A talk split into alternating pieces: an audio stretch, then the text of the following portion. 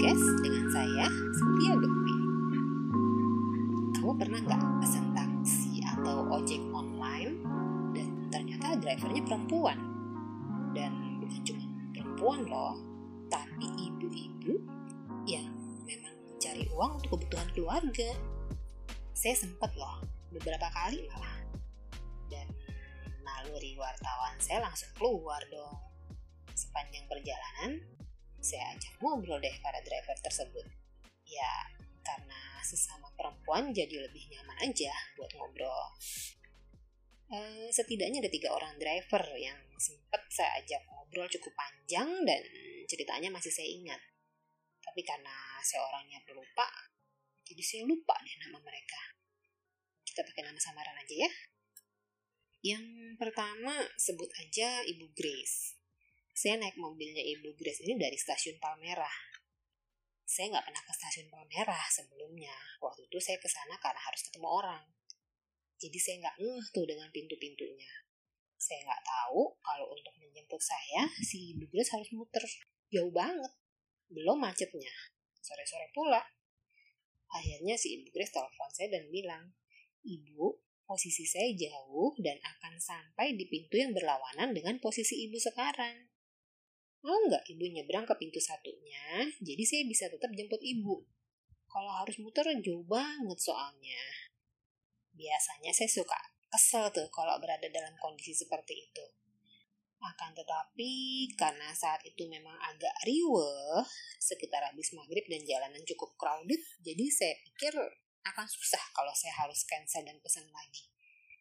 Ya akhirnya saya nurut, saya dan anak saya yang untungnya udah ABG jalan balik ke tempat sebelumnya saya turun dari taksi online waktu datang dan ketemu si Ibu Grace lah di sana.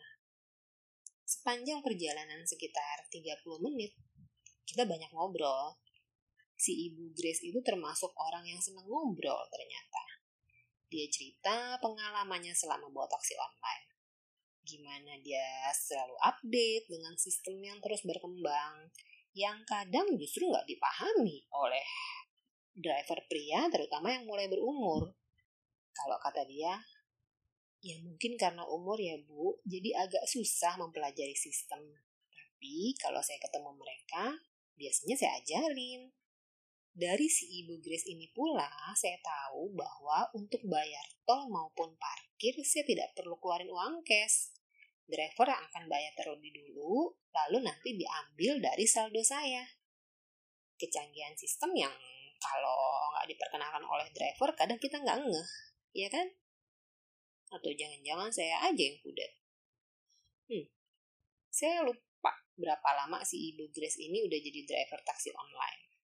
Yang pasti, dia serius kerja untuk membiayai anak-anaknya sekolah dia bahkan melupakan kesenangan pribadi. Menurut pengakuannya, dia nggak pernah mampir ke mall elit di Jakarta selain jemput atau ngantar penumpang. Padahal dari bicara dan tampilannya kelihatan banget kalau si Ibu Grace ini bukan orang susah. Secara ekonomi mungkin di atas saya. Buktinya dia bisa beli mobil buat dijadiin taksi online. Sempat kesebut Plaza Senayan dalam obrolan kita. Saya bilang, saya ke sana cuma buat meeting, Bu. Karena lokasinya kan enak di tengah-tengah. Ya, paling saya beli teh. Lalu apa jawabnya? Ya, Bu, saya mah daripada beli minum di Plaza Senayan, mending uangnya buat kuliah anak. Bener banget. Setuju 200% saya sama Ibu Grace. Driver taksi online kedua namanya Ibu Linda melihat penampilannya, Bu Linda ini agak tomboy sepertinya. Rambutnya cepak, sehingga waktu lihat fotonya saya sempat mikir, ini laki-laki apa perempuan ya? Tapi namanya nama perempuan. Nah, Ibu Linda ini orangnya diem. Jadi, saya lah yang mancing untuk ngobrol.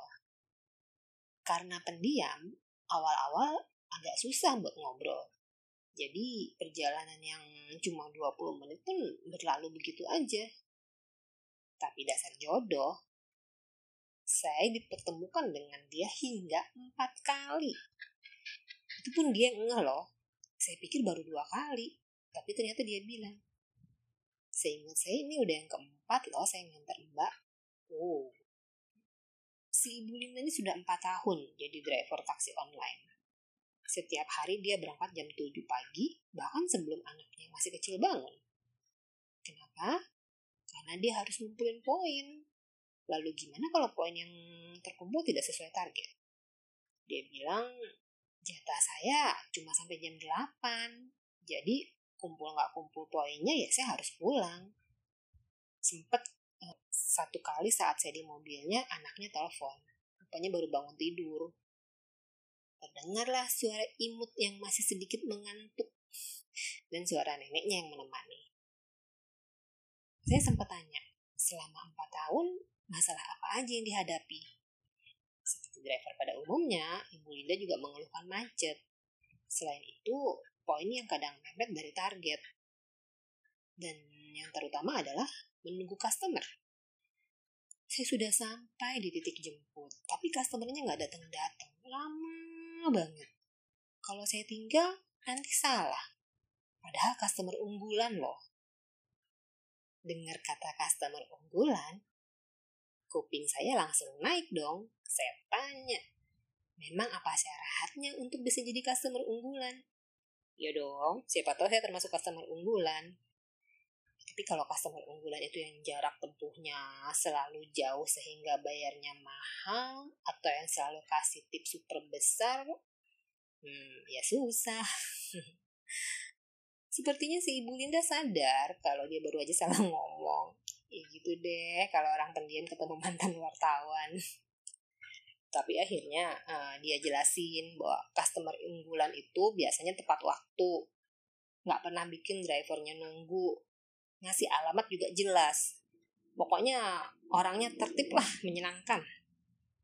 Saya jawab, berarti saya termasuk customer unggulan dong, Bu. Dan saya hanya mendapatkan senyum manis Ibu Linda sebagai jawaban. Ibu yang ketiga adalah driver ojek online. Sebut aja namanya Bu Tati. Saya ketemu dia jauh sebelum pandemi. Dan seperti Ibu Linda, dengan ibu ini pun saya sempat beberapa kali ketemu sampai si ibu hafal. Seperti driver ojek online pada umumnya, kalau ketemu teman akan menyapa. Begitu juga Ibu Tati. Melaju beberapa meter dari rumah saya, dia menyapa salah satu bapak, driver ojek yang lagi nongkrong. Si Ibu Tati ini juga termasuk orang yang senang ngobrol. Saya pancing dikit, keluar deh ceritanya dia cerita kalau teman-temannya sesama driver, terutama yang pria, banyak yang sering nolak order karena jauh. Mereka cuma mau ambil order yang deket-deket aja, jadi mereka bisa langsung balik dan tunggu order lagi. Sementara kalau jauh, enternya aja udah lama. Terus nanti susah untuk balik. Akhirnya malah kelempar ke tempat yang lebih jauh lagi. Kalau menurut mereka, udahlah capek, dapat duitnya sama aja. Kayak yang tadi itu tuh yang kita ketemu dekat rumah mbak. Itu dia kerjanya nongkrong aja. Dapat order jauh dikit, ditolak. Kapan mau dapat duit? Saya bilang ke mereka, Heh, gimana lu mau dapat duit kalau kerjaan lo nolakin order mulu? Celoteh si ibu dengan gaya tongkrongan. Ibu Tati bekerja begitu keras karena dia merupakan tulang punggung keluarga. Dari segi ekonomi jelas dia di bawah Ibu Grace dan Ibu Linda. Suaminya sudahlah nggak punya penghasilan, suka main tangan pula. Kerjanya cuma minta duit ke istrinya. Ceraiin aja bu, pain dipiara laki-laki macam gitu. Refleksnya nyaut sambil sewot. Iya memang mau saya ceraiin aja tuh orang. Saya lagi cari waktu mau ke pengadilan.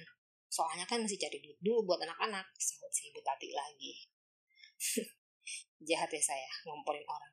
Ya habis gimana dong? Kan sewot ya dengan si ibu tati. Kerja mati-matian. Panas hujan tetap ngojek. Cari uang buat anak. Eh suaminya nganggur. Terus bisa-bisanya main tangan kalau nggak dikasih uang laki-laki macam apa? Nah, Itu tadi cerita tiga ibu yang setiap hari berjuang di jalan demi menghidupi anak-anaknya. Masih banyak ibu tati-ibu tati lain atau ibu Linda lain yang punya perjuangan serupa. Bukan pekerjaan mudah loh jadi driver online, baik mobil maupun motor. Masing-masing memiliki tantangan yang cukup berat yang kalau saya nih yang jalanin, kayaknya sih nggak sanggup. Tapi tiga ibu tadi dan driver-driver perempuan lain mau melakukan itu semua demi cintanya pada anak dan demi masa depan yang lebih baik lagi bagi anak-anak.